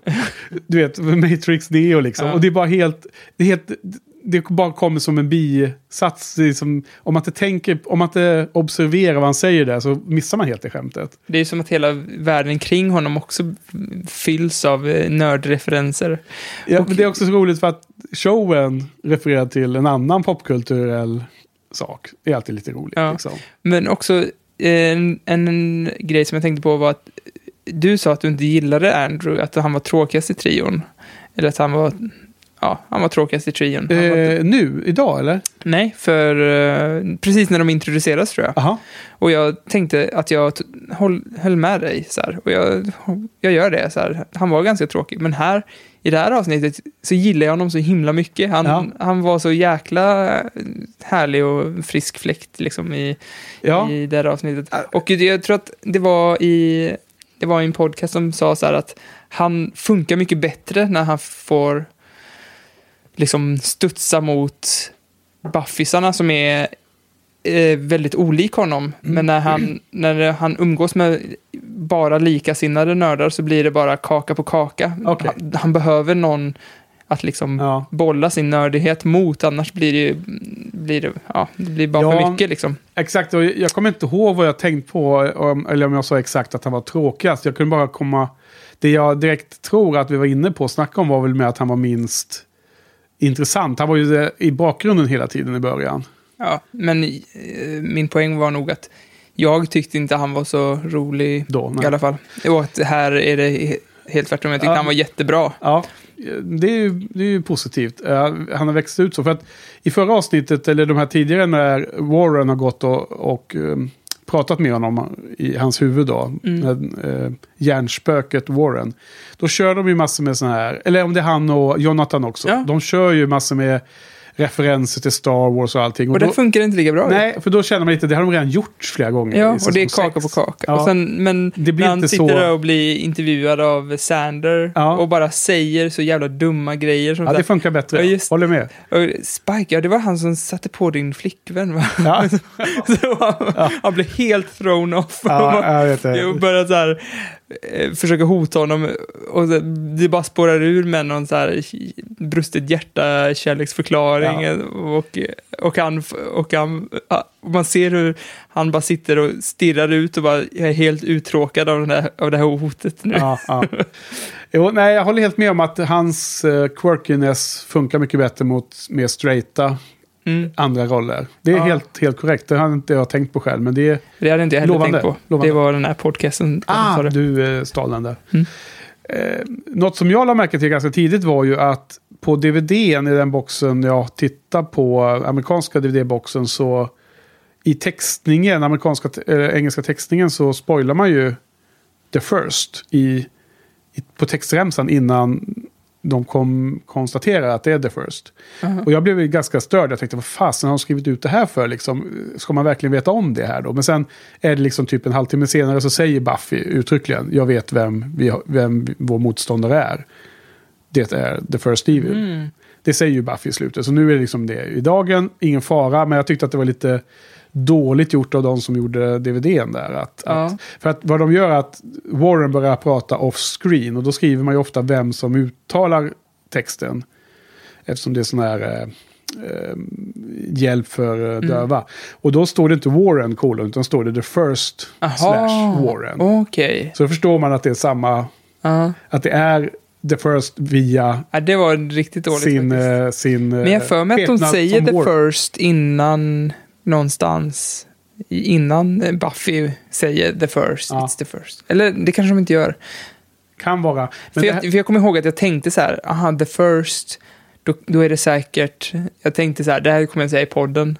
Och nu, Ja. nu gör jag det, men det är helt fel för att vi vet ju att the first är den här vampyren. Men jag tänkte att det skulle vara the first slayer, att den skulle komma tillbaks och, och jäklas Alltså, på något sätt. ja, det, det, det säger jag inte så mycket om, men den här vampyren vet jag inte om det är the first. The first är ju en evil entitet. Ja, ja, nu förstår jag det. Men det var bara mm, precis när hon sa Ja. det. Eller först, Men även när, vi ser, även när vi ser vampyren så är det inte den, är ju inte the, the first. Nähä, Säkert, va? nähä. Utan det är väl en eh, produkt som, som the first vill ha och jobba med. Som alla andra. Okej, jag tolkar det som att Ja, det var the first. okej. Nu ser du väldigt lurig ut. nej, ja, nej, ja, ja, vi får väl se hur det spelas ut, men... ehm, Men all... Så eh, tolkar jag hur the first... Alltså det var en ren ondska. The, the first evil, liksom. Mm. Den ursprungliga ondskan. Mm. Alltså det måste ju vara above 9000, det är sista säsongen liksom. det är den ursprungliga ondskan vi har att göra med nu. Ja, Men eh, det som jag tyckte var eh, en sak som jag eh, tyckte var intressant som de pratade om i den här podden också. The Buffy Rewatch. ja. Det var att, eh, eh, som, som jag inte alls tänkte på, att The First har varit med förut i serien. Och det var därför det var en reveal när Buffy, de liksom zoomade in på hennes ansikte, så här, som att det var värsta revealen. Och jag bara, eh, jag fattar inte revealen riktigt. Och, och, och det är den pratar de om i när den podden med också. Då? Vet du det? Eller? Ja, det är i Amends. För det är i, när Angel kommer tillbaks så är det The First, som, The First Evil, det är hans plan att ge honom, att ta honom tillbaks så att han ska Ja, just det. Nu slakta är, jag, folk. nu är jag helt med. För det första så ser man ju de där eh, munkarna då med ögonen. De har man ju sett tidigare. Och Okej. de håller på och grejer där. Var de med i Amends också? Mm. Man har ju Mhm. sett dem tidigare. Det, det, det, det kände jag igen. Och precis, det är The First som har skickat tillbaka Angel. Och därför han kom tillbaka från helvetet. Det är så det är. Mm. Okej, då, har vi, då har vi koll på det. Ja, och jag hade, inte haft, jag hade aldrig slagit mig om jag inte hört det i den podden faktiskt. Nej, precis för att jag glömde skriva upp det som note. Men jag kommer ihåg att när jag satt och såg avsnittet så satt jag och funderade på när i serien har vi sett the fir- om The First. För det är så uppenbart att Buffy refererar till någonting som Ja. vi redan vet om. Exakt. Jätteskönt att du redde ut det. Jag hade glömt att kolla upp det själv. Ja, ja, eh, i vilket fall som helst så eh, har jag en annan liten kommentar. Först skulle jag nämna det här om Sanders som jag mm. tänkte på alldeles nyss. Jag tycker att det var ganska skönt att eh, du säger att han är lite mer som i tidigt i serien. Det kan jag delvis hålla med om. Men jag tycker samtidigt att han är mycket bättre nu igen. Det går väldigt fort med Sander upp och ner. Tycker jag. Han är väldigt eh, volatil. Eller hur? Alltså, man gillar honom mycket ibland och sen så gillar man inte alls honom ibland uppenbarligen. Som ni vet alla lyssnarna. Men nu tycker jag att när han liksom börjar... Han har coolat ner sig lite. Han, han säger till och med till Buffy någon gång när de ska försöka lista ut vad det är som händer. Och med, med Spike bland annat. Att vi måste vara objektiva. Och så, så, och så, så hänvisar han till en annan popkulturell referens. Eller ja, tv-serie men också en, en, en, en eh, polisgrej. Det här med CSI. Vi måste vara eh, som. CSI säger han. Så att han, han, han taggar ner sin, du vet det här personliga. Att han är personligt förrättad liksom. Av Spike, av Anja, av Willow. Som han, Den här jobbiga delen av Sanders som jag stör mig på ordentligt.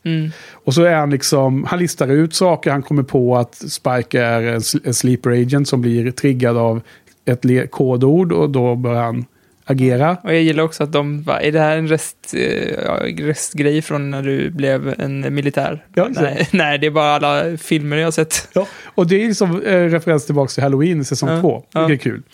Ehm, och sen, så jag gillar Sander mer här och tycker att han var, var liksom, det är mycket skönare när man ser den typen av Sander som inte är där självtrippen hela tiden. Ja, för på tal om Halloween så trodde jag att eh, Conversation with Dead People var ett Halloween-avsnitt först. Ja, det här kan vara, ja precis. Men det var det ju inte. Det var Nej. bättre än så, till och med. Eh, annan eh, grej. Eh, kul där man får se lite Quentin Travers från eh, The Watchers Council. Och då, han står där med sån här högtravande tal till trupperna där i deras högkvarter. Och sen bara exploderar det liksom. Ja. Hela The Watchers Council är borta nu, eller? Ja, Ja, de är gone. Härligt, skönt. tyckte jag. Det det är också lite så här att plocka ner, de pratar väldigt högtravande och sen var de borta. Så liksom. Ja, ja. ja, men det är roligt. Det är ju synd att de hade väl inte tid och pengar nog att göra en scen när man såg hur, hur de liksom dog i eh, helvetesflammorna. Liksom, men, eller explosionen då. Men han står ju och håller något eh, citat från Bibeln precis när, när det smäller. Liksom, så det, är- det är ju väldigt eh, symboliskt så. Eh, en annan sak jag tänkte säga att du har ju tidigare pekat på och även pratat mycket om att eh, showen och publiken har blivit eh, förhäxade av Spike, av skådespelaren och av karaktären. Mm. Har du ansett ju. Och då så var jag fick en sån, jag satt och såg någon eh, scen när han och Buffy tror jag pratar. Och jag bara liksom tyckte han var så jäkla bra i den scenen, skådisen. Alltså, jag känner att han levererar sina repliker på ett ibland överlägset sätt jämfört med många andra i hela den här serien. Han, han, han talar så, vad man säga, svårt att förklara hur jag upplevde det, men alltså exakt och med liksom en antydan till att dra ut på varje ord. Han liksom pratar väldigt medvetet, med, väldigt, eh, när, han har stor närvaro i sin leverans av replikerna. Det är det jag försöker fånga. Mm. Eh, jag tror att det är den scenen, det finns en scen, han är fastbunden i någon stol uppe i något sovrum i Buffys eh, hem, tror jag de är. Innan de blir anfallna av de här munkarna och allt det där. Och han och Buffy har någon, någon allvarligt talk, liksom, så här, lite mer seriöst, och så de pratar hit och dit. Och då, eh, då satt jag och njöt riktigt av hans, hans eh, insats i den scenen. Så på något sätt kan jag köpa ganska mycket att folk verkligen blir förhäxade av Spike som karaktär. Ja, ja, men jag håller med. Alltså, jag var ju helkär i honom från liksom, första scenen med honom när han gick in och brände upp den där lilla ungen i... Ja, the annoying one. Ja. Ja. Sen dess har man ju bara älskat honom, men sen, sen stör, stör, har jag liksom börjat störa mig mer och mer på att de ska klämma in honom överallt och att han helt plötsligt, hans, de här scenerna som ska vara roliga, lite comic reliefiga, helt plötsligt ska bli allvarliga. Det gillar jag inte. Alltså hela den här grejen med att han eh, har skurit ut hjärtat och, och, och så här, när, när han säger Buffy, du måste döda mig för att Ja. jag är farlig. Ja, Det hade, hade det varit för några säsonger sedan, hade det ju varit eh, liksom, då hade vi skrattat åt honom när han sa så. Men nu är det ju på blodigt allvar han säger, du måste döda Ja. mig för jag är farlig. Så, alltså det, det är ju en scen i det här avsnittet, jag har också noterat den i mina notes, där han gör den här klassiska, eh, han, han jävlas med Buffy för att få henne att döda honom. Han vill att hon... s- eller, Han pratar om vad han gör med små flickor och vad han gör med, med flickor i Dawns ålder och sådana saker. Det är ju den här klassiska där han vill ju offra sig men han vet att hon kommer inte dasta honom. Men om han tänker att om han gör henne tillräckligt arg så ska det lyckas. vilken skitscen. Ja, det är inte bra eller? Nej, Ja, men den är ganska väl använd. Men vi spoilade inte Split. Det var duktigt jobbat. Ja, det var ju hyfsat bra. Ja, jag har försökt att spoila lite men du stoppar mig. Ja. Ja. ja, ja. Nej, men vad, det här var väl en ganska trevlig avslutning på den här lilla trion, eller vad säger du? Ja. Börjar vi närma oss? ja, absolut. Ja. Jag tyckte att det händer mycket, men det är som du säger, det är svårt att hålla isär exakt eh, hand, hand, handlingen i de tre. Och för mig så sticker ju fortfarande um, Conversation-avsnittet ut då förstås. Ja. På, på grund av dess, dess format. Så jag eh, hamnade på en 6 av 10 av den här. Ganska så här bra, men ändå i medel, medel eh, träsket om man säger så. Ja, och om jag bara ska ta upp min sista punkt här innan jag sätter betyg så är det att jag och anledningen till att jag har sett lite lägre betyg än Conversation with Dead People är ju att, alltså, som du sa när oss helt plötsligt var en varulv, alltså all, det är något speciellt med alla. Och så här, när den nya rektorn dök upp, eh, han, Något speciellt med... med alla i serien. Okej. Alla som har, tar plats i serien, det är någonting speciellt, förutom Ja. Sander då kanske. Ja. Men alla andra är det något speciellt med. Så när Robin Wood dök upp, då började man ju undra, vad, vad är grejen med honom nu? ja. Och grejen med honom var ju att han var ond, antar jag. Fast han började begrava Jonathan där. Att han, Ja, varför han gjorde var- han det? Det det har vi inte riktigt fått veta ännu. Nej, kanske inte, men För han går ju ner och ser det här sigillet så att på något sätt var han ju inte överraskad så det nej. Och jag blir bara irriterad. Det kändes tråk, en tråkig grej att han bara... Spel, han Ja, men du, det är inte säkert kille. att det var han som... Han kanske bara var förhäxad av The First Evil då? Kan det vara så? Jag hoppas det. Ja. För att jag blev lite irriterad på att ja, men han var härlig. Såklart att han inte att han Ja. skulle vara ohärlig. ja, för de etablerade honom som är härlig då när han tog hand om de där två ligisterna. Det var en bra scen och han liksom... Ja, I början av... Ja. Ja, men liksom, det var lite för att visa att han var ändå... ja men Han, exakt. han var ändå liksom, han, full, han var by the book men så var han ändå lite street smart. Så att de, först så verkar det som att de ligisterna, eleverna hade överhanden mot honom. Men sen så vann han ändå deras lilla ja, kamp där. man, det var ju en scen skriven för att man skulle gilla honom. Ja. Och sen så bara... Ja. Det- Eh, skulle det funka, tycker du att han också, precis som Spike, är en sån som gör saker utan komma ihåg det? Skulle inte det vara lite på kaka på kaka också då? då? Jo, vi- får se Vi får se vad som hur de händer. löser det här. Ja. Men eh, allt talar för att, eh, bara, att han bara kommer vara irriterande. Ja, ja ehm, okej då. Så vad hade du för betyg? Sa du det? 7 av 10. 7 av 10 också. Ja, men härligt. Du har verkligen eh, njutit av de här tre. Mm. Mm. Så eh, vad bra, men då är vi klara för idag. Mm. avsnitt. Ehm, nästa vecka så kommer vi som sagt podda två dagar tidigare. Så eh, snälla, snälla, om ni vill, skriv era kommentarer gärna på måndagen eller tisdagen. Mm. Och sen får vi se om vi... Eh, eh, vad heter det? Ja, vi, vi kör ju tre avsnitt nästa vecka också. Det kommer bli någon gång här i framtiden, någon gång när det nu är Johan, som på grund av att tre blir liksom blir mer udda, då får det bli två avsnitt en gång. Då får vi annonsera det noggrant innan. Mm. Så folk vet vilka avsnitt de ska se. Men eh, den här gången är det tre igen. Och det är alltså 10, 11, 12 nästa ve- vecka. Då ska jag säga...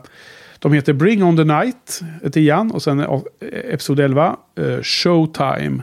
Och episod 12 som heter Potential. Mm.